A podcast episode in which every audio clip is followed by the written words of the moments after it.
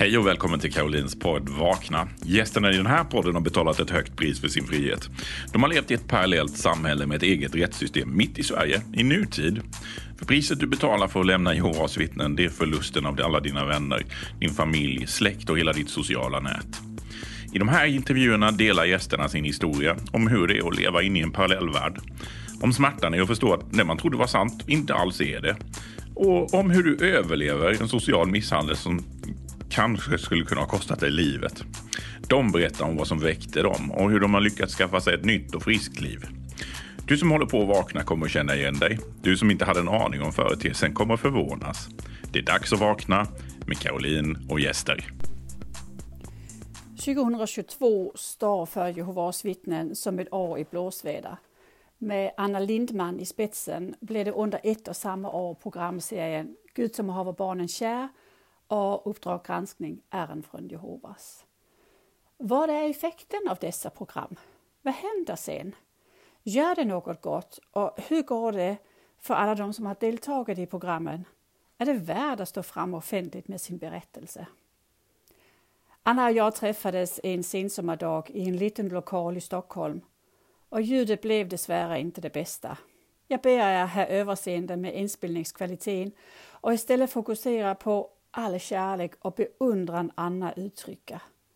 Dagens avsnitt är för alla er som vågar ta steget ut och lämna Jehovas vittnen. Känn er starka, modiga och värda all kärlek. Ni är fantastiska. Vi har alla olika sätt att uttrycka det på. Anna genom granskande tv-program, jag genom min podcast och andra genom böcker, sociala forum etc. Alla sätt kompletterar och är lika viktiga. Idag berättar Anna Lindman om allt det där runt om ett tv-program. Hur känns det för Anna att lyssna på alla berättelser?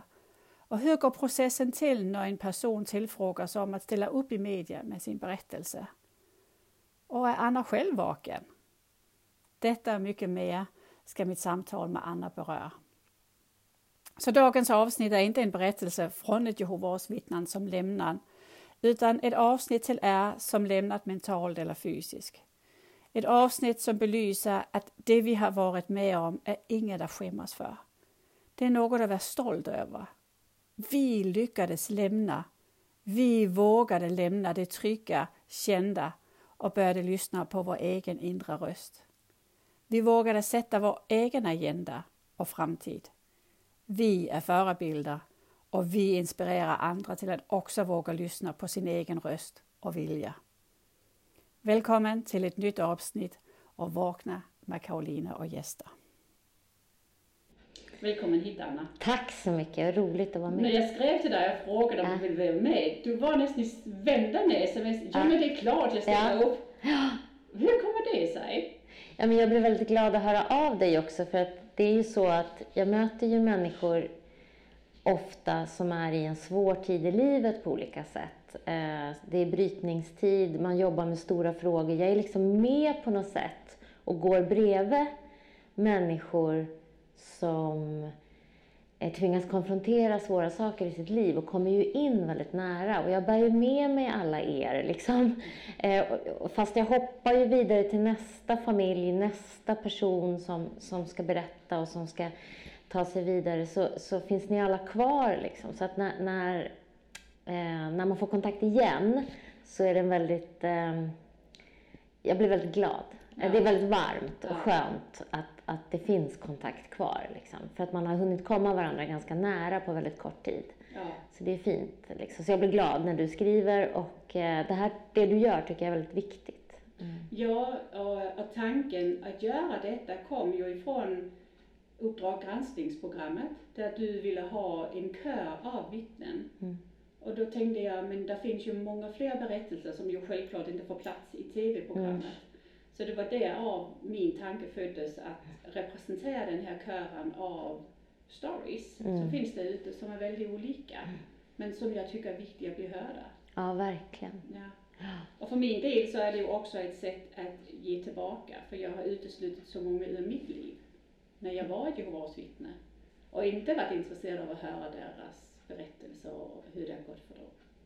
Men när du får sitta och höra och lyssna och ge dem ett forum känns att ja, men, det är det sättet jag kan ge tillbaka. Mm. För det som jag gjorde, jag gjorde, jag gjorde det utifrån vad jag trodde var det bästa. Men Mm. nu kan jag i alla fall sitta ner och lyssna på dem. Mm. Det är jätteviktigt. Ja, det är väldigt viktigt. Mm. Vad är det som motiverar dig? För, för du har ju gjort, om man bara säger nu här, sista året har du ju gjort eh, Gud som haver barnen kär, som är en väldigt stor produktion. Mm. Och så in emellan där så kom Uppdrag granskning också, Med Jehovas vittnen, ja. med bara Jehovas vittnen. Ja. Vad var det som gjorde att ni ville göra Gud som haver barnen kär? Vad var det som, som väckte den? Jag hade ju gjort en dokumentärserie om Knutby, Philadelphia. Den pingstförsamlingen som blev en sekt. Och i den serien, i arbetet med den, så fick jag kontakt med barnen där. Och när de började berätta för mig om hur deras liv i Knutby hade varit så blev jag liksom förvånad och lite chockad över att det de berättade för mig om, det handlade ju inte om mordet eller om sexskandalerna eller ens om att Kristi brud var en konstig sak. Utan det de berättade för mig om var ju hur förkunnelsen hade skrämt dem. Alltså det de hade vuxit upp med, att Jesus ska komma tillbaka vilken dag som helst. Att de inte kommer hinna bli vuxna, de kommer aldrig få bli kära, de kommer inte bilda familj. Det spelar ingen roll vad de läser i skolan för de ska inte ha yrken som vuxna utan Jesus är på väg. Och då ska de gå till himlen med sina familjer och få vara med på det här bröllopet. Som skulle äga rum då, trodde man i Knutby, mellan Kristi brud och Jesus. Så det var ingenting fint i deras ögon, utan det var skrämmande. Det var skrämmande. Det som var fint för de vuxna, det de vuxna längtade efter och bad för varje dag, skrämde ju de här barnen. För de ville ju leva. De ville ju vara som sina kompisar i skolan. Och det var nog ingen som hade tänkt på det. Nej. Att den här förkunnelsen som verkade så fin för de vuxna var så skrämmande för barnen. Sen fanns det ju en annan sida av det och det var ju att man fick ju bara följa med till himlen och följa med Jesus om man hade rena tankar. Om man var en god kristen, om man inte hade syndat. Och alla barn vet att människan syndar. Alla barn vet hur svårt det är att hålla ordning på sina tankar. Alla barn vet att deras föräldrar är bristfälliga. Så barnet förstår när de hör det att det är inte säkert att jag kommer med. Det är inte säkert att mamma kommer med. Vi kanske kommer att skiljas åt.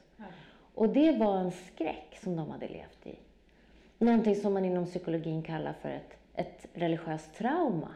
Och de hade levt i det under hela sin uppväxt. Och när det gällde just Knutby så var det ju så hemskt egentligen, därför att vi hade ju alla sett de här löpsedlarna. Vi borde ju ha kunnat räkna ut att det finns barn i den här församlingen. Hur mår de? Ja. Men när jag lyssnade på dem så, så skämdes jag. Varför har inte jag tänkt på det här? Varför har jag inte tänkt på hur religiös förkunnelse kan falla i ett barn? Jag har jobbat som relig- religionsjournalist i 20 år och jag har inte gjort något program om det här förut. Jag har liksom inte intervjuat barn på det sättet. Så alla de här lärorna som finns faktiskt i nästan alla religioner, om himmel och helvete, om gott och ont, om straff, om, om förlåtelse och så. Hur faller de i ett barn? Det hade vi, vi, tänkte jag, pratat om alldeles för lite. Och då gjorde vi serien Gud som haver barnen kär. Där unga vuxna fick berätta om hur det var för dem att eh, leva i det här. Eh, och vad det hade väckt i dem och vad det hade fått för konsekvenser för dem i deras liv. Och det blev ju en serie som väckte väldigt, väldigt mycket uppmärksamhet. Vad har, vad har utfallet blivit av den serien? Alltså först så, det som bekymrade mig i början var att reaktionerna från de samfund som, som beskrevs i den här serien, för vi blandade ju. Det var ju barn uppvuxna inom islam, det var Jehovas vittnen, det var eh, pingst, eh, det var EFS, det var Frälsningsarmén. Det var en väldig blandning. Därför att det vi ville visa var ju inte att det finns just ett samfund som har problem här, utan vi ville ju visa att den här förkunnelsen återkommer ju i en mängd olika religiösa sammanhang och det blir liksom samma effekt i barnet. Eh, Så i början var ju motreaktionerna från olika religiösa samfund väldigt hård. Alltså man bortförklarade de här ungdomarna. De var enstaka fall, alla andra barn mår bra. Att det här beskrivs på det här sättet kommer göra det svårt att vara kristen i Sverige, skrev man i kristna pressen och så. Det SVT gör fel när man inte visar hur många lyckliga kristna barn det finns och så. De reaktionerna. Och det drabbade ju de som var med ganska hårt. Eh, och jag tänker nu efteråt, vi gjorde ju eh, vi gjorde ju liksom ett helt avsnitt egentligen om just Jehovas vittnen, vad det innebär att om man lämnar så tappar man kontakten med hela sin familj, att man blir utesluten. Ja. Och det är ju specifikt för Jehovas vittnen. Ja. Men- Och islam kanske? Ja, men precis. Ja. I serien så, så framkommer det ju också att det sker i andra samfund. Och efter serien så är det ungdomar som har fått bryta med sina föräldrar för att de var med i tv-serien. Och de var ju med i vanliga kristna församlingar, frikyrkoförsamlingar. Så det, är, det, det var ett hårt utfall, ett hårt liksom, effekt av det. Men nu när det har gått lite längre tid så kan jag se att det hade en positiv effekt. Eh, dels har det haft en positiv effekt att vi har börjat prata om det här. Att det har blivit mer vanligt att prata om det. Och att det har kommit upp på många sätt. Jag ser i olika, att det, det har startats poddar och det finns en massa forum där man kan diskutera där unga människor kommer samman och delar erfarenheter om sin religiösa bakgrund. Men jag kan också se nu när vi har gjort en granskning om konfessionella friskolor att mottagandet av den är mycket mjukare. Mm. Man börjar med att säga det här får inte förekomma, det här som Uppdrag granskning visar är fel. Ja. Sen är man ändå sur på oss för att vi inte visar alla skolor som är bra. Men man slår inte ifrån sig själva grundproblemet utan man säger så här, man ska inte ha andeutdrivning i skolan. Nej. Man ska inte lära barnen att homosexualitet är en synd som man får brinna i helvetet för. Det är farligt. Alltså man, man går inte ut och säger att det är rätt. Utan man säger så här, här har det blivit fel. Men Uppdrag granskning ska ändå inte göra ett program på det här sättet för de flesta skolor är bra, säger man. Och då om jag får chansen skulle jag vilja bemöta den kritiken. Ja, för det gäller, ju, det gäller ju också Jehovas vittnen, att, man, att jag får brev från medlemmar som säger så här, jag mår jättebra, jag har varit jättelycklig här. Och då kan jag bara säga så här, Så Jehovas vittnen har också gett återkoppling till dig? Ja, efter, efter Uppdrag granskning. Ja, att jag har minsann mått jättebra i den här rörelsen och jag är lycklig och vi mår jättebra och det du eh, visar upp är en skräckbild. Och det är ju en reaktion som jag har fått väldigt mycket ifrån eh, pingströrelsen också. Ehm, och då, då vill jag säga om det att jag är jätteglad för alla som mår bra i de här sammanhangen. Det är fint. Men jag tycker att det är ett defaultläge. Det är det vi ska förvänta oss. Om man har en kristen barnverksamhet för barn, då tycker jag vi ska förvänta oss att den är bra för barnen. Vi ska utgå ifrån att det är bra. Vi behöver inte berätta om att det är bra. Det kan man göra själv. På hemsidor och reklamkampanjer. Vi har en bra ungdomsverksamhet. Det är inte Uppdrag gransknings uppgift att berätta att det funkar i en kyrka. Uppdrag granskning har ett väldigt tydligt uppdrag att avslöja missförhållanden och ge människor som har farit illa i olika sammanhang en röst. Och sen vill vi ansvarsutkräva de som är ansvariga för att de här människorna har farit illa. Det är vårt uppdrag. Och då är det ingen skillnad för mig om vi avslöjar att eh, det har förekommit korruption i en kommun. Så intervjuar vi de korrumperade politikerna. Då intervjuar inte vi en massa politiker som inte är korrumperade efteråt. Vi intervjuar inte alla kommuner som inte har korruption. Nej. Nej.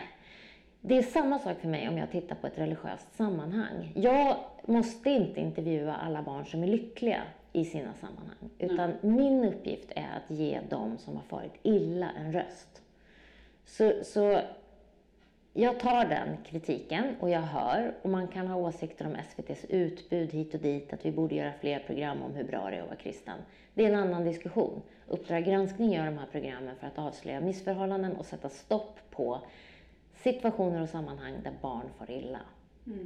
Och det är ju de, röst, de rösterna som annars inte hörs. Ja, Och det är de rösterna som behöver höras.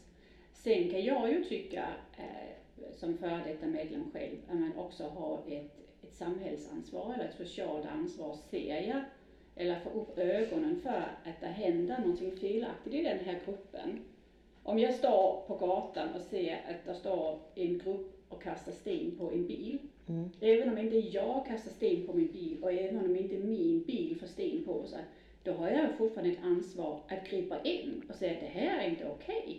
Och kanske kalla polisen eller så vidare för att skydda den här mm. bilen. Och så anser jag också i ett religiöst sammanhang, även om jag har det bra och mina barn har det bra, ser jag eller hör jag ett missförhållande, men då är jag ju med i det, om inte mm. jag gör någonting åt det. Mm. Jag gissar att man inte förstår att man gör illa. Mm. Jag gissar att man inte riktigt tror på kritiken. Mm. Så att när man hör de här historierna då försöker man hitta andra orsaker mm. Till varför de här barnen berättar det de berättar. Mm. Men det är ju farligt. Mm. Därför att vi måste ju i alla sammanhang, för att de inte ska gå fel, våga mm. lyssna på kritik. Våga debattera den kritik vi får. Våga lyfta frågorna. Lyssna på de här barnen. De är många också. Ja. Väldigt många. Och det handlar ju om att ge barnen en rätt till deras eget liv, mm. även efter att de inte är barn längre. Att när de växer upp, eh, då ska de också få möjlighet att, att välja sin, sin livsväg som de mm. vill. Vara med i tv-program och berätta om de upplevelserna de har haft och så vidare. Mm. Jag tycker det är kränkande att inte få den rättighet eller att ha, det har så stora konsekvenser man pratar ut. Mm. Eh, nu har jag lyssnat på många berättelser i min podcast. Det är, jag visste inte själv som Jehovas vittne. För man lyssnar inte på dem, man hör inte de berättelserna. Men många som gör det blir ju omskakade. Mm. Att det finns det. Bara för att man stänger öronen mm. betyder det inte att det inte finns. Nej, precis. Så tycker du det är värt att göra de här programmen? Jag kan ju förstå att du står ju blåsväder på fronten och tar mm. allt detta här. Fast det känns inte så. Det är ju de som vågar vara med i programmet. Det är de som står i blåsvädret. Det är de som skjuter ut sig. Mm. Eh, så jag känner inte att jag är i blåsväder. Nej. Det gör jag faktiskt inte. Utan det är, jag menar, de reaktioner jag får och, och jag kan bli utskälld sådär av någon som känner sig kränkt och så. Det är ju en västanvind mot vad det innebär att gå ut och kritisera mm. det sammanhang som man har vuxit upp i. Alltså, Tror du det är bra om man gör det som, eh, som sektmedlem, om man vågar stå upp? Eh, det, ja, det, det, är en jätteviktig fråga därför att det är en del som säger så här att eh, de mår inte bra av att vara med i TV och prata om det här och det är oansvarigt att låta dem komma fram och det splittrar bara ytterligare och så. Det är en kritik som vi får nu också från när de här före detta eleverna på, på religiösa friskolor går ut och berättar. Men jag har ju gjort det här i så många år nu och mött så många och eh, i skulle jag säga, 99 procent av fallen så har det varit väldigt bra för dem. Mm. Alltså, som de säger själva. Mm. Jag har varit med i ett fall och det gällde Livets Ord. Då var det en person som, som kontaktade mig och ville vara med och sen fick väldigt mycket kritik efteråt och då gick ut och sa att hen hade blivit övertalad av oss att vara med. Mm. Det var för svårt för den personen tror jag. Och det är, väl, det är liksom en sån här jobbig grej som jag har med mig. Att att den personen skulle kanske inte ha varit med. Hur gör ni för att säkra de som faktiskt ställer upp i TV, att de verkligen vill göra det? Som du vet så pratar vi ju väldigt, väldigt mycket om och om igen och vi följer nära liksom hur processen ser ut när man tar beslutet. Och det kanske också är så att man har övat upp en förmåga att höra på en person. För det är ju jättemånga som, som, aldrig, som vi intervjuar och så, som inte är med sen. Mm. Eh, men jag har faktiskt bara en erfarenhet av att en person har ångrat sig. Mm. Och då har jag hållit på i väldigt många år. Eh, men så, ser så du fördelarna av att man ändå är med? Alltså fördelarna är ju att man, eh, man jobbar ju med ett stort existentiellt dilemma i sitt liv. Hur kunde jag gå med på de här sakerna? Vem var jag då?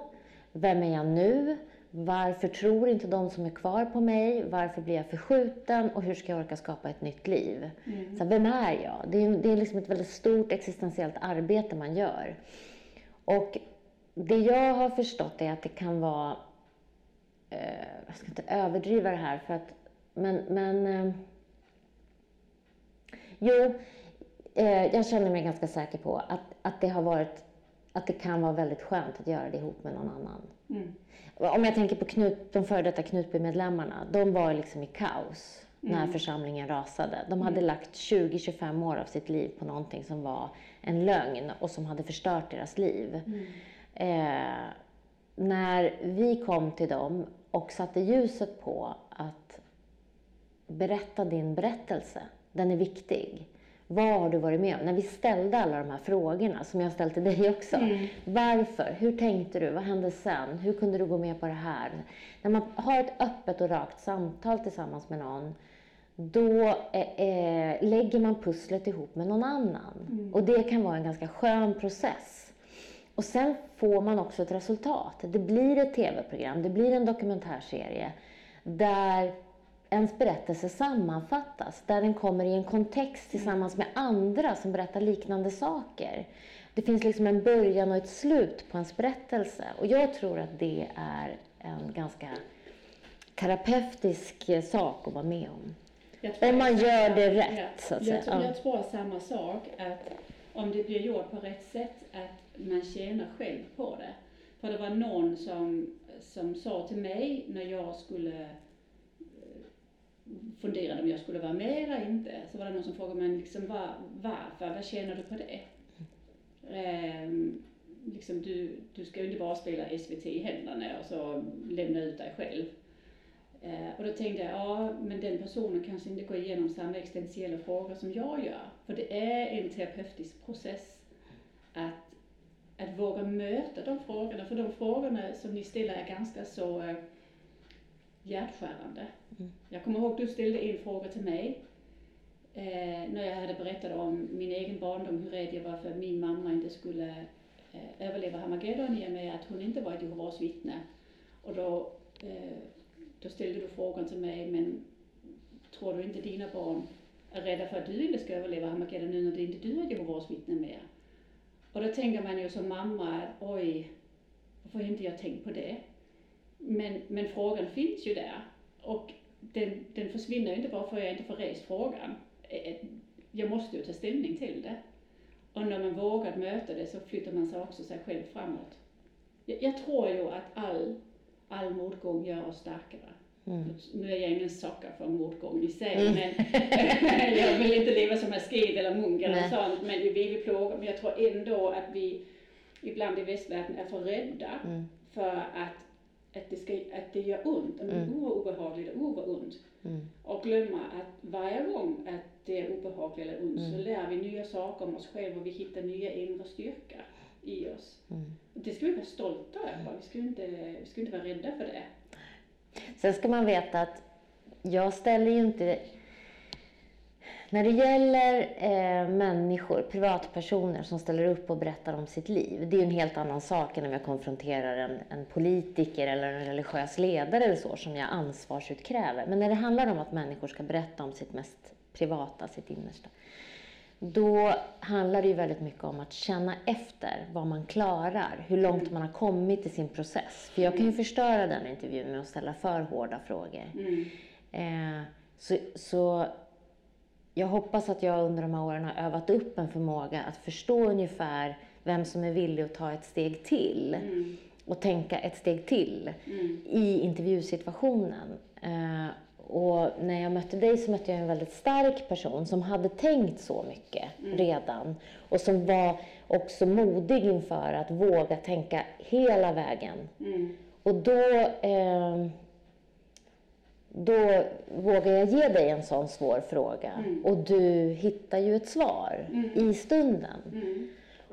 Och det tycker jag också att man kan se när man går tillbaka och tittar på intervjuerna från Knutby Philadelphia. Vi gör ju väldigt, väldigt långa intervjuer där och sitter ju i ett helt svart rum. Och det är bara vi två, liksom, förutom alla kameror och lampor och så.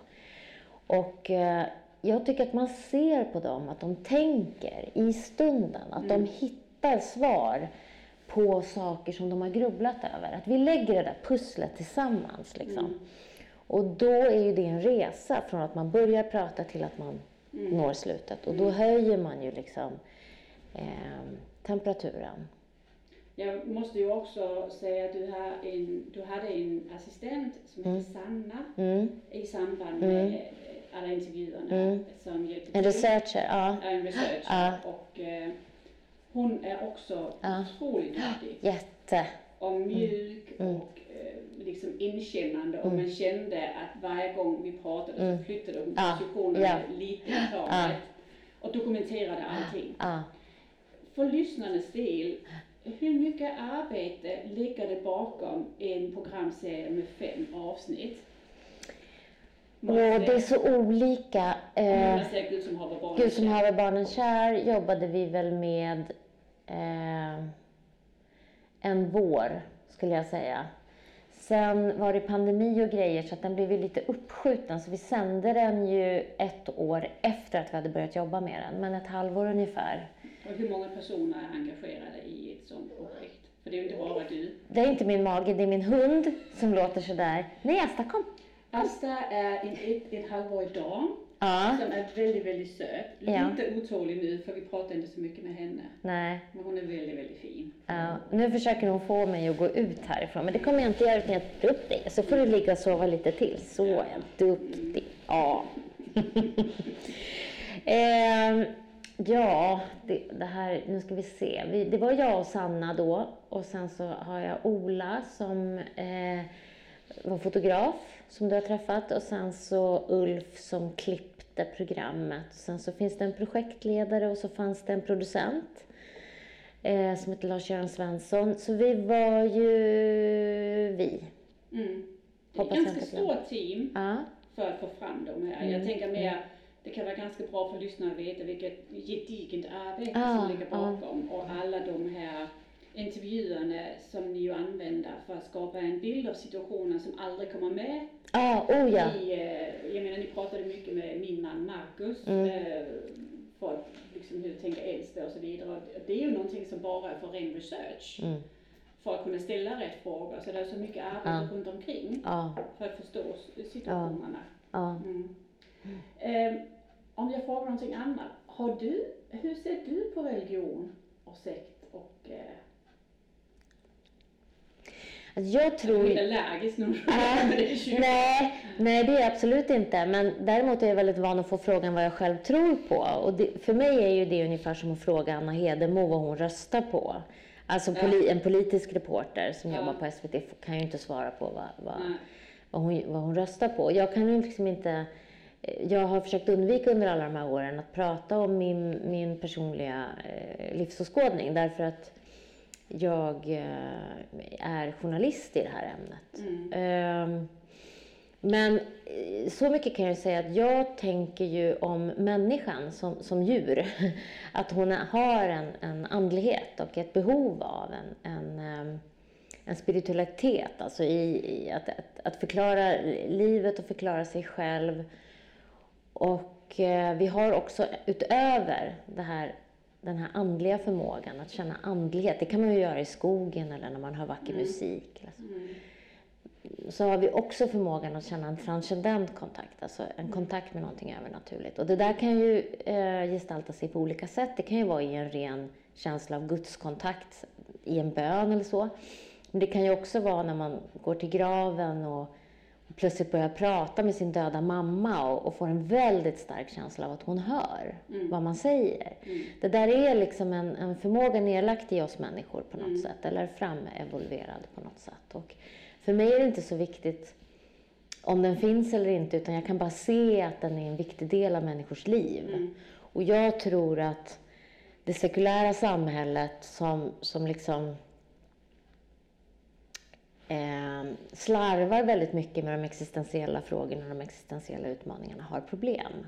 Jag tror att det påverkar människors hälsa, jag tror att det påverkar vår självuppfattning och vår förmåga att liksom hitta oss själva. Mm.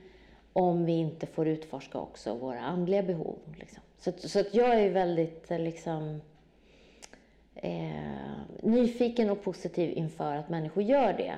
Och precis därifrån kommer mitt engagemang för när det går fel Mm. i de sammanhangen. Därför att jag blir så oerhört upprörd när man missbrukar människors längtan efter andlighet och efter kontakt med, med det stora. Liksom. För det är en sån fin sak som vi har. Ritualerna, att vi behöver begrava våra döda. Att vi, alltså det, är något så här, det, är, det är någonting högt med oss människor. Att vi har den här sångerna vi skriver, texterna vi skriver, rummen vi bygger för att liksom få vara i det här heliga. Att vi har en förmåga till helighet. Det är så himla fint. Och då blir jag så väldigt upprörd när man kränker människor Mm. i det. När man använder just det för att ta makt över människor. Och när man manipulerar människor och när man trots att man ser att människor far illa fortsätter utnyttja deras rädslor eller... Varför tror du man gör det? Därför att det är effektivt. Vi är sårbara här. Mm. Alltså om man tänker hur psykologiskt våld fungerar, manipulation fungerar, så är det väldigt effektivt i sig. Vi vet att människor, det finns människor som kan utsätta andra människor för psykologiskt våld. Om du blandar in en högre makt, du blandar in en gudstro i det, så blir det oerhört hårt, oerhört effektivt, oerhört våldsamt. Mm. Och det är det man ser i alla de här barnen. Mm. Att de har ju, det är ju ett andligt övergrepp. Att få, att som tolvåring vara med om en demonutdrivning. Och få höra att när demonen lämnar den här kroppen så söker den en ny kropp. Så ni som har en dålig relation till Gud nu, ni kanske ska gå härifrån. Att som 12-13-åring få höra det, Mm. Det är liksom, det är ett andligt våld. Det, Det skulle förbjudas att barn, liksom, sekter får inte finnas och barn får in, man får inte komma in förrän man är 18. Jag, vill, eh, jag tror att det är omöjligt att, att liksom lösa det. Därför att det är också viktigt i samma andetag att komma ihåg att de här föräldrarna och i det här fallet som jag har varit nära nu då, lärarna, pastorerna, ungdomsledarna, de vill väl. De tror på det här och de vill rädda sina barn från Harmageddon eller från helvetet eller från... De vill det bästa. De vill skydda barnen från den sataniska omvärlden. Och det skulle vara så svårt liksom att straffbelägga en kärlekshandling. Utan det, ju, det vi måste lära oss, det är ju effekten av den kärlekshandlingen. Mm. Fast det gör man ju ändå för att vissa tror ju att genom att slå mina barn, Ja. ja. det vissa kärlek. Ja. Det kan man ju straffbelägga. Ja, Det är olagligt. det är sant. Och det där är ju svårt i våran, eh, vårt rättssystem. Att vi har så mycket lättare att döma på blåmärken och vi har så svårt att se den här psykiska misshandeln. Och där tittar man ju på olika typer av lagstiftning. Det finns ju nu försök i Storbritannien och Spanien och så, där man har en, eh, en lagstiftning kring mind control. Jaha, berätta lite om det. Nu är inte jag experten på det här, men, men eh, det är... Jag har skrivit om det i en bok. Nej, men det finns med när jag skriver om Knutby. För där är det ju väldigt uppenbart att jag skrev en bok som heter Sekten som handlade om Knutby men som också handlar om hur, vilka mekanismer som gör att människor kan brytas ner sådär i grupp. Och där eh, är det väldigt uppenbart när man kommer till rättegången sen att det enda som finns med vid åtalet mot pastorerna är blåmärken. Och då har man ändå utsatt de här människorna för otroligt mycket värre saker än blåmärken. Man har tagit deras barn ifrån dem för att de har varit demoniska och inte fått uppfostra barnen själva. Man har låst in dem. Man har förbjudit dem att gå hem till sitt hem. Man har låtit dem sova på golvet istället för i sängen för att de har varit utanför nåden. Man har haft ett språkbruk kring människor om att de är fel eller rätt som har skrämt de här människorna enormt. Och man har gett barnen den här skräcken inför att Jesus kommer när som helst så jag kanske dör imorgon. Eh, det går inte att bestraffa. Det finns liksom ingen juridik som kan bära det. Och då eh, gjorde jag en del intervjuer kring det. Eh, Och då vet jag att man också i Sverige har tittat på den här lagstiftningen som finns kring mind control i andra europeiska länder. Ehm, och där man lite försöker titta på utfallet av dem. Ehm, kommer, är det en, en juridik som fungerar? Och det, det finns en skepsis kring det, om det verkligen fungerar. Därför att det är svårt. Mm. Eh, lagsystemet bygger ju på att om jag begår en olaglig handling ska jag ju veta när jag begår den att den är olaglig. Mm. Så om jag snor en cykel så vet jag när jag snor cykeln att så här får jag inte göra egentligen. Och om jag avslöjas så får jag mitt straff. Fast egentligen är det ju inte så. För jag kan ju säga, jag kan ju åka till ett annat land och så kan jag bryta lagen där. Och så säger man, det visste jag inte om, för hemma i mitt land är det inte på det sättet. Jag kan ja. åka till ett muslimskt land och kanske inte täcka över mig som ja. på rätt sätt. Och då kan jag ju hävda, nej men det visste inte jag om. Nej. Men då blir jag ju straffad i alla fall. Och samma är det för om utlänningar kommer hit och plockar upp sin fru Ja. Och så säger men det visste inte jag var olagligt. Nej, det är sant. Det är sant, men då är det för att de inte känner till lagen. Men, men målet med lagen är att vi ska känna till den. Vi ska känna till den svenska lagen och veta att så här får man inte göra och så här får man göra. I det här fallet så är det lite svårt därför att om jag säger så här Gud, om jag är pastor i en församling och säger så här, Gud vill att vi ska bygga en ny kyrka och ni ska alla skänka 10 000 kronor var till den här kyrkan. Mm. Det har Gud sagt till mig. Och som pastor är jag övertygad om att Gud, för Gud har sagt det till mig i en dröm på mm. natten. Mm. Så jag är övertygad om att det är rätt. Alla skänker 10 000 kronor och så bygger vi den här kyrkan. Efteråt kan ju någon säga så här, du lurade mig. Mm. Gud pratar inte till människor genom drömmar. Jag trodde det då, men jag tror inte det nu, så jag vill ha tillbaka mina 10 000 kronor. Mm.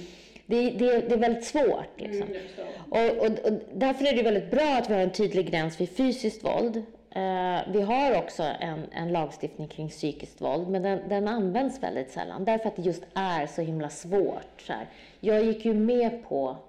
I Knutby sa ju flera kvinnor, snälla ta hand om mitt barn, för jag har orena demoner i mig. Mm. Så, så, mitt barn mår bäst att inte vara med mig. Mm. Alltså man ber om det. Det är svårt att komma 15 år senare och säga, jag blev lurad. Ja. För man är vuxen. Men om man, man tänker så här lagen om kränkande särbehandling. Ja. Kan den gå in tror du? Kanske. Ja. Jag, jag, tror att det, det här måste prövas. liksom, ja. När ja. kränkande särbehandling, ja. och vad är det som gör för det är ju inte jag slår dig. Mm. Det är ju kanske att man, mm. man utesluter ur samtal eller mm. mobbar, ordval man använder. Det, problemet är samtycket. Mm. Att man ger samtycke. Mm. Och där kunde man också se väldigt tydligt när det gällde Knutby Philadelphia i den rättegången att de hade inte gett samtycke till att bli slagna. Nej. För de blev rädda de blev ledsna och de gjorde allt för att inte bli slagna igen. Det fanns mm. inget samtycke kring de fysiska bestraffningarna. Mm. Men det fanns ju ett samtycke kring att skänka pengar till exempel. Det fanns ett samtycke kring hur man skötte barnuppfostran. Det fanns ett samtycke kring hur man skulle agera för att komma in i nåden om man hade gjort fel och så. Man kom till pastorn och bad om hjälp, rädda mig och så. Så det är jättesvårt. Mm. Så, så en, en laggräns att säga att man måste vara 18 för att vara med i ett religiöst sammanhang, det tycker jag är olämpligt. Eller jag tror att det är jättesvårt. Inte, inte olämpligt, men det är jättesvårt eh, att införa. Men däremot att vi lär oss mycket, mycket mer om konsekvenserna och har en förmåga att hjälpa de som blir utsatta för det här. Jag har ju en dröm att man sätter en, en gräns för till exempel Jehovas vittnens barn som döper sig. Att man från myndighetshåll kan gå in och säga att den form för kränkande särbehandling man utsätts för när man lämnar någonting där jag lovar att utföra det som minderårig, att, det, att där kan man mm. gå in och säga att det, det får ni inte mm. göra. Det borde man kunna se över, jo. Jag tycker det, för ja. om jag vet att barn ner till 11, 9, 10, 11 års ålder mm. som döper sig, som inte har någon aning om vad de gör. Mm. Och det kan vara att de lever ett lyckligt liv som Jehovas vittnen upp till 20-årsåldern och sen i 30-årsåldern så upptäcker de, nej men nu vill jag någonting annat. Och då, då handhäver man ju det som du lovade mm. när du var nio. Mm. I princip som ett mm. juridiskt kontrakt. Mm. Eh, där tycker jag myndigheterna mm. skulle kunna gå in och säga det är fel att utöva den form för kränkande särbehandling och det kan man ju påvisa i och med det läses upp på rikets salen och sen har man ju Mm. Ja, man skriver ju i litteraturen vad som är konsekvenserna av det. Mm. Att man får inte umgås med, mm. med sitt sociala nätverk, plockas bort. Mm. Ja. Men det är ju också en, en konsekvens av att man väljer eh, någon, en ny väg i sitt liv som man skulle kunna titta på som kränkande särbehandling också. För skulle det vara på en arbetsplats, mm. att alla slutar prata med en mm. för att man inte vill läsa samma bibel till mm. exempel, som de andra på jobbet, då skulle man ju, då finns det ju sanktioner mot det. Så får man ju inte göra. Nej, och man kan ju inte gå in och säga heller att eh, din mamma får inte prata med dig heller och Nej. du får inte gå Nej. till eh, kusinens bröllop. Nej. Eh, alltså man sträcker sig även ut över ja. arbetsplatsen ja. till alla andra och ja. säger det här, ni får inte umgås med den här personen. Um, jag, jag, tycker ju att jag jobbar ju med kvalitetssystem och mm. arbetsmiljöfrågor i mitt sekulära arbete. Och det är ju kränkande särbehandling ganska så tydlig. Mm. Hur man får behandla sina arbetsgivare mm. och vad är ett kontrakt och vad är mm. det kontrakt och när är ett kontrakt giltigt. Mm. Det är ju inte giltigt när en minderårig har, har ingått det här mm. avtalet. Men det är ju olika etiska principer som krockar här. Det är ju precis som ett barn som får höra att det är orent eller, eller demoniskt eller under Satans inflytande för att de har en annan sexuell läggning än vad som är norm i församlingen. Eh, det är också kränkande särbehandling. Det skulle ju aldrig accepteras om det barnet gick in på en restaurang och fick veta det. Men, men, när det går in i kyrkan kan det få höra det. Mm. Varför är det så att kyrkan har fripass? Det, det handlar ju om religionsfriheten. Mm. Och den är också en jätteviktig rättighet i vårt land. Mm. Eh, och ibland krockar det. Olika rättigheter krockar med varandra. Mm. Och jag, jag tänker att det ska ett demokratiskt samhälle klara. Vi ska klara att väga de här olika principerna mot varandra. Eh, men när det kommer till barn, då tycker jag att det är svårt när principen om religionsfriheten går före barnets rättighet. Mm. Så att, och det tänker jag egentligen att barnkonventionen stipulerar, att vi borde lyfta barnets rättighet över vissa andra rättigheter. Ja, det är ju lag i Sverige. Mm. Men, det är ju, men, men religionsfriheten är också lagskyddad så att säga. Mm. Så att det, det, här är jättesvårt. Mm. Men, men det är därför vi måste prata mycket mer om det och våga titta på de här fallen när det krockar. Mm. Vi, vi tar upp nu i Uppdrag granskning som går på, på um, onsdag, eller vi sänder två avsnitt i rad så att det är nästa onsdag, den 28 eh, i den här granskningen om religiösa friskolor så tittar vi på skolkuratorerna att det är väldigt vanligt att skolkuratorerna på de olika religiösa friskolorna kommer från den församling som driver skolan. Mm. Och då, när man har hört de här före detta eleverna vittna om vilken typ av världsbild som har rått på skolan och vad de har fått höra om de har haft syndiga kläder på sig eller läst syndiga böcker eller om de har en sexuell läggning som inte accepteras på skolan eller om de på andra sätt bryter mot normerna Eh, nu fick jag hjärnsläpp. Gud vad intressant. Eh, kuratorn som Just det. Var... Då, eh, då får du klippa. Eller. Nej. Anna kan också, Anna kan också tappa huvudet. Jag sitter och nästa här och tappar huvudet. Eh, nej men då, då, I programmet så vittnar de här barnen om hur detta har skrämt dem och hur de har varit rädda och då vill, har de ibland behövt hjälp. De hade behövt prata med en skolkurator. Och så kommer de till skolkuratorn och där får de veta att de ska be därför att de är satta i tvivel. Mm. Eller att de ska be mot de här demoniska krafterna och sådär. Då har de ju ingenstans att gå. Om föräldrarna också är med i församlingen, alla lärarna är med i församlingen, kuratorn är med i församlingen, då har de här barnen ingenstans att gå med sin rädsla och får inte hjälp. Och då kan man säga så här till Skolinspektionen, men varför kollar ni inte det? Att elevhälsan står fri från huvudmannen, mm. den som driver skolan. Och då säger Skolinspektionen, det får vi inte. Enligt lag får vi inte eftersöka människors religiösa identitet när, vid anställning. Så man får alltså inte fråga en skolkurator så här, har du samma tro? Nej. Har du en annan tro? Och då är det ju två rättigheter som krockar med varandra. Det är skolkuratorns rätt till religionsfrihet, men det är också barnets rätt till frihet från religion när den söker en kurator. Mm. Och det är väldigt svårt när de sitter i en religiös skola också. Mm. Ja, ja det, det är ett intressant dilemma. Vad tror du är lösningen på detta? Utöver liksom att du gör ju ditt arbete med att uppmärksamma det, men tycker du att myndigheterna skulle gå ett steg vidare. Att våga väga de här rättigheterna mot varandra. I det här fallet, eh, när det gäller konfessionella friskolor, så måste den myndighet som är ansvarig, det vill säga Skolinspektionen, göra sin läxa Mm. mycket bättre. Vi mötte ju en enorm aningslöshet. Mm. Jag tror inte att man, man förstår hur man pratar med barn om ah, religiösa och andliga trauman. Det har man ingen aning om. Jag tror inte att man frågar sig, vad ber du om innan du somnar på kvällen? Vad är du rädd för ska hända om du syndar? Den typen av frågor tror inte jag man ställer. Och det är dit man måste gå för att liksom, få en bild av hur olika typer av religiös förkunnelse faller i ett barn.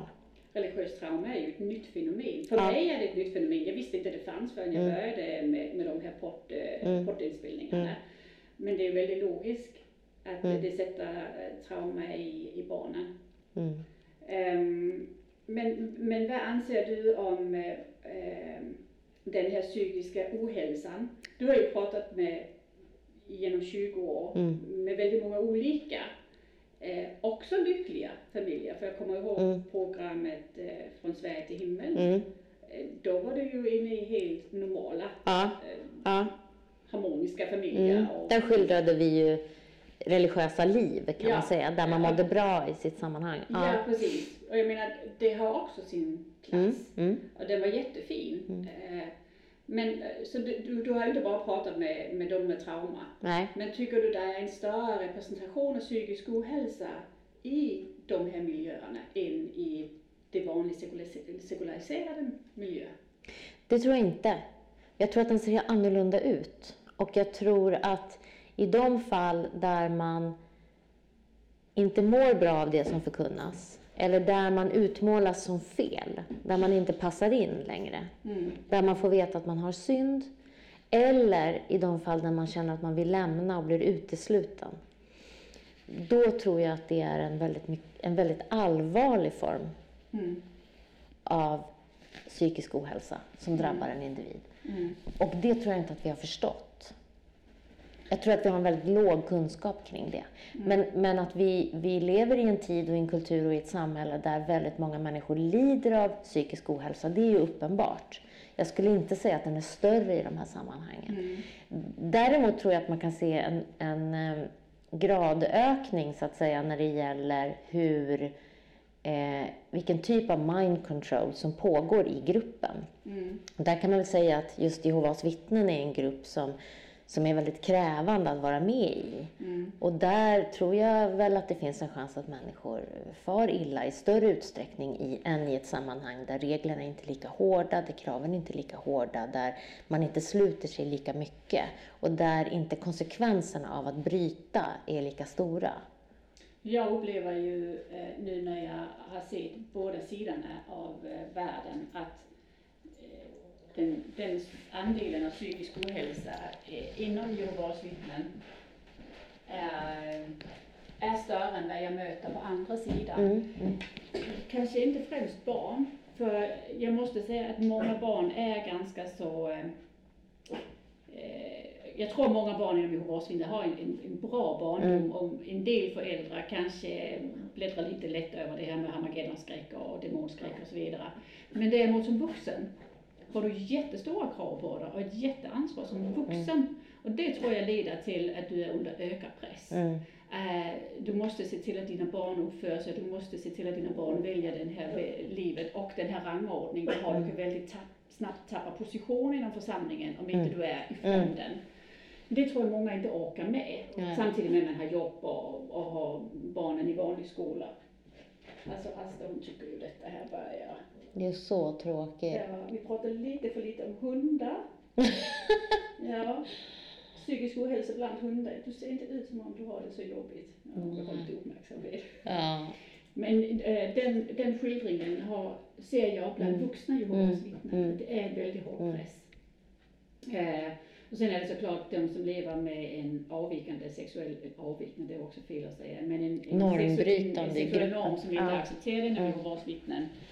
Eh, ju aldrig känner dem på plats. Ja. Och det är klart, jag tror 100% av dem mår väldigt dåligt Ja. inom Jehovas Mm. Ehm, ja, Anna, Ja. nu har vi pratat ganska mycket Ja. vitt omkring. Eh, och jag tror jag har fått ställt många av mina frågor. Det är roligt att du intervjuar mig nu.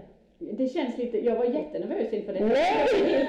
Jag brukar vara helt lugn inför mina intervjuer men jag känner att du är ju proffs på att ställa de rätta Nej, men det har gått jättebra verkligen. Otroligt bra. Eh, men jag, jag har två frågor kvar. Ja. Och det är om du anser att Jehovas vittnen lever upp till barnkonventionen? Absolut inte. Nej. Och vad anser du att konsekvensen för Jehovas vittnen ska vara när de inte lever upp till barnkonventionen? Det är inte min uppgift som journalist att, att utdöma det, så att säga. Nej. Det är det inte. Men jag har gjort ett kritiskt granskande program om att de får statsbidrag. Mm. Eh, Det är mitt bidrag till debatten. Mm. Att, att man bör titta på vilka samfund som får stöd av staten av våra skattepengar. Men det finns eh, väldigt stora problem för Jehovas vittnen om man börjar följa barnkonventionen på riktigt. Mm. Och det verkar ju som om att i alla fall lagen om bidrag till religiösa samfund håller på att evalueras. Ja. Och, eh, jag hade ju blivit väldigt förvånad om Jehovas vittnen eh, blev, fick bidrag i framtiden. Mm. Jag hoppas att utfallet blir att de inte gör det. Mm. För jag tror det är många svenskar som känner att de inte vill bidra till det. Mm. Eh, precis som vissa känner att de inte vill bidra till Svenska kyrkan. Mm. Eller, Alltså, det, det som är intressant med statsbidragen är ju om det kan leda till att man inom samfundet utvecklas och bestämmer sig för att följa den demokratiparagraf som finns till exempel, som stipulerar hur man ska agera i samhället för att få bidrag. Men det vi har sett hittills från Jehovas vittnen är ju inte att man vill ändra sina regler eller kring uteslutning till exempel. Och då... Det tror, jag inte, det, det tror jag inte går. Jag tror det finns två vägar att gå för Jehovas vittnen. Det ena är att man, eh, man börjar att- att ljuga mer, vilket man ju gör nu. Nu säger du ju, de säger ju att de lever upp till de här kraven, vilket de inte gör. Eh, Det är ju en väg att gå, men det är ju deras eget förfall. Och sen är det en annan väg och det är att de börjar utarmas inifrån. Och det tror jag håller på att hända. Eh, med hela det sociala, alla de sociala medier, att man söker varandra. Man har uttryck som heter PIMO, PIMI, alltså Vad är det? ja, PIMO är eh, att man är physical in, mentally out. Mm. Så du är fysisk i Jehovas vittnen men mentalt är du ute. Eh, och så har du PIMI, physical in, mentally in. Att du både är fysiskt och Mm. mentalt inne. Mm. Men hela den här PIMO-gruppen Mm. är jättestor i Sverige. Mm. Och det är ju en grupp som går på möten, de umgås med Jehovas vittnen, men de lyssnar på podden, de tittar på TV-programmen. Mm. De har en egen subkultur i Jehovas vittnen Mm. där de ställer kritiska frågor. Och den blir större och större. Mm. Och det kan ju, jag tror absolut det bidrar till att växten, de Jehovas vittnen har inte växt på länge i, i västvärlden. Mm. Och det kommer de inte att fortsätta göra heller. På grund av den här informationsflödet som finns. Mm. Man, har, Mm. man får möjlighet till att ta in. Mm. Eh, Jag hade faktiskt till och med en nu som kontaktade mig, en lyssnare som är PIMO, Mm.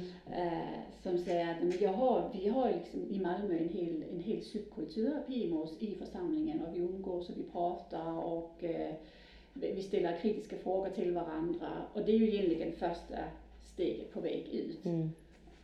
Och det är ju en väldigt stor eh, tittarskara Mm. till dina tv-program och så vidare. Mm. Och till min podd och så. Mm. Så de är någonstans i mitten Mm. innan de går ut. Mm. Och den är, den är jättestor. Mm. Jag tror att tiden är räknad för den här typen av hårda strukturer. Mm. Så religion kommer att finnas, för vi har ju andligt behov. Jag Mm.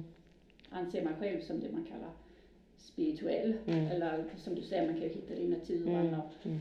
Vi har ett andligt sökande i Mm. människor. Jag tycker Mm. man ska ha absolut rättighet att söka det. Mm. För det är någonting som skiljer ut oss Mm. som individer. Men jag tror att tiden för de här fyrkantiga strukturerna, den är räknad för Mm. folk finner sig inte i det längre. Och det är väl en del av det man vaknar upp. Att vi är faktiskt kraftiga människor själv. Mm. Vi behöver inte vara underlagt någon annan människa som säger till oss vad vi ska tänka. Så anser du dig vaken själv? Oj! Gud, vilken bra fråga. Jag har ju, tycker jag, haft ett antal uppvaknanden under livet. Och då kan man ju tänka att innan ett sånt uppvaknande så förstår man inte att man har något att vakna ifrån. Så jag vet inte om jag har uppvaknanden kvar att göra. Men jag tänker att det är en del av att vara människa, att, att vara öppen för det. Mm. Att hålla det hela tiden, ett vakande öga på att vilka normer och strukturer och tankemodeller är jag i som begränsar mig. Mm. Eh, och särskilt i den tid vi lever nu, med den polarisering vi har, Mm. så är det ju otroligt lätt att gå in i en bubbla och följa strukturer och, och mönster som blir förslavande Mm. för att man är kanske rädd för andra saker. På vilken sida i det här man är så, så fungerar vi människor så, för vi söker struktur och vi söker trygghet och vi söker likasinnade hela tiden. Liksom. Det där får man jobba lite med sin hjärna. Varför skrämmer det här mig? Och varför upprörs jag av det där? Eller så. Mm. Men jag upplever mig väldigt eh, eh, vaken i mitt eh, eget liv. Mm. Gör jag. Mm. Eh, och och eh, det har varit en lång process och jag kan ibland tänka, jag har precis fyllt 50 och jag kan ju tänka att det är ju ironiskt att det tar 50 år att förstå vem man är. Mm. Och, och jag är absolut inte klar. Mm. Eh, och att det är ett ständigt arbete. Men när det gäller hur jag vill leva eh, relationsmässigt och familjemässigt och vad mina vänner ska betyda i mitt liv och hur jag behöver vara fri yrkesmässigt på olika sätt och sådär, så känner jag mig väldigt vaken. Mm. Och det är väl eh, det som berikar livet, att man har en, eh, en nyfikenhet. Mm. För jag tror att så länge man är nyfiken på vad andra tänker och vad Mm. andra tycker och är öppen för det, inte för att man behöver hoppa på och tänka likadant, men är öppen för att ta in det, Mm. då är man väl ganska så vaken. Ja. Eh, sen kan man ju alltid upptäcka nya vinklar Mm. och, och sidor. Ehm, Vi lever i en tid, tänker jag, där ordet nyfiken har en alldeles för liten plats i våra liv. Därför att vi söker mycket mer bekräftelse idag på att vi tänker rätt. Att de andra tänker som jag. Att allt ska vara så här. Vi söker, och det handlar ju om otrygghet. mm, En, en nyfiken människa måste ju vara trygg. mm. Annars vågar man ju inte eh, vara öppen. Och det är väl eh, ett, ett lite sorgligt kapitel liksom, i vår historia, att vi hamnade där, nu. Mm. eh, med all den liksom, materiella och intellektuella kapacitet vi har i vår, vår, vår del av världen. Att vi då skulle bli trångsynta och rädda och liksom gräva ner oss i skyttegravar. Det är väldigt sorgligt. Men jag tänker att vi får se tiden an och man får fortsätta vara man får fortsätta vara öppen och modig Och se i den mån man är, kan. Man äger faktiskt sitt liv. Mm. Det är väl en del av vakenheten. Mm. Att jag äger mitt liv. Jag Mm. äger rätten till att bestämma hur jag vill använda min tid. Mm. Ett, en del av mitt vaknande var ju såklart min religiösa vaknande. Men också att jag vaknade upp till att den samhällsstruktur som vi är uppfostrade till att vara konsumenter och anställda Mm. är ju också någonting man kan vakna upp ifrån. Mm. Det behöver inte vara på det sättet. Att man, man har ett fulltidsjobb och man strävar efter karriärmässigt och aldrig känner man hinner med sig själv, sina barn eller det här holistiska levande som man kanske på något sätt strävar efter. Att eh, jag upptäckte att när jag slutade på min anställning som vice VD och började egna företag, då har, nu har vi åtta bolag och har mer tid över. Jag har tid att göra detta än när jag var anställd i ett bolag.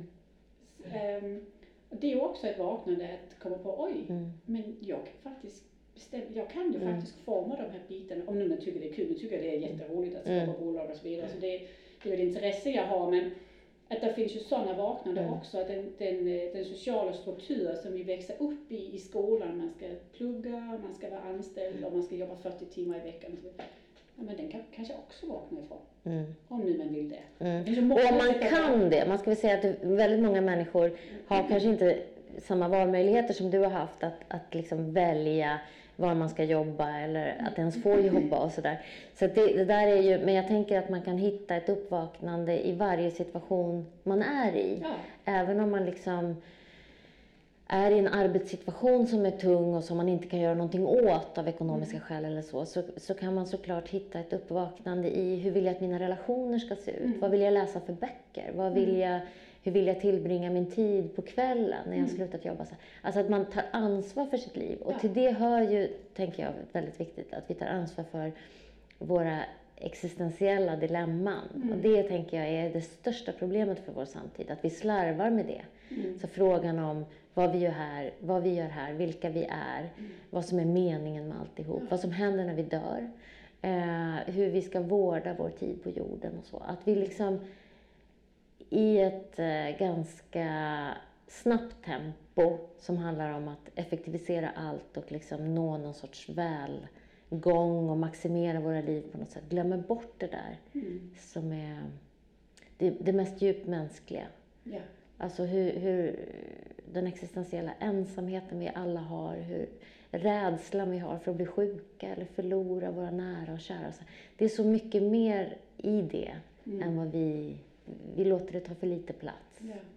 Ja. Och det tror jag är ett uppvaknande, att liksom våga stanna upp och se så här, vad har jag för rädslor? Hur möter jag människor i sorg? Hur, hur vill jag bli mött om jag kommer i sorg? Alltså alla de där frågorna som är liksom det viktiga på riktigt. Mm.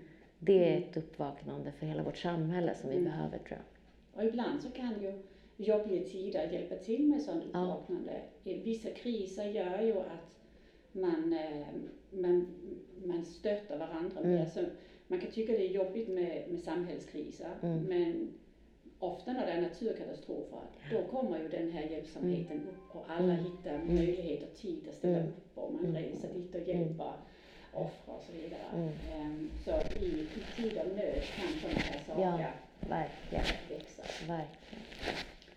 Med det sagt Anna, mm. så vill jag tacka för ditt deltagande. Jag uppskattar det mycket. Hur var det då? Jag är verkligen färdig med dagens intervju. Tackar dig också för ditt tålamod. Tack snälla. Det var roligt att få prata med dig. Tack. Mm. Vill du vara med i Vakna med Caroline och gäster? Att dela med sig av sina upplevelser kan frigöra en hel del blockeringar och hjälpa dig vidare i livet. Det är ofta helande och läkande att höra sig själv berätta vad man har varit med om och som man faktiskt har klarat av. Det är som en tung ryggsäck som man kastar bort för att gå vidare med nya och friska krafter. Besök reject.com och anmäl ditt intresse om du vill vara med. Knappa in r-e-j-e-c-t.com e, reject.com. Du är varmt välkommen.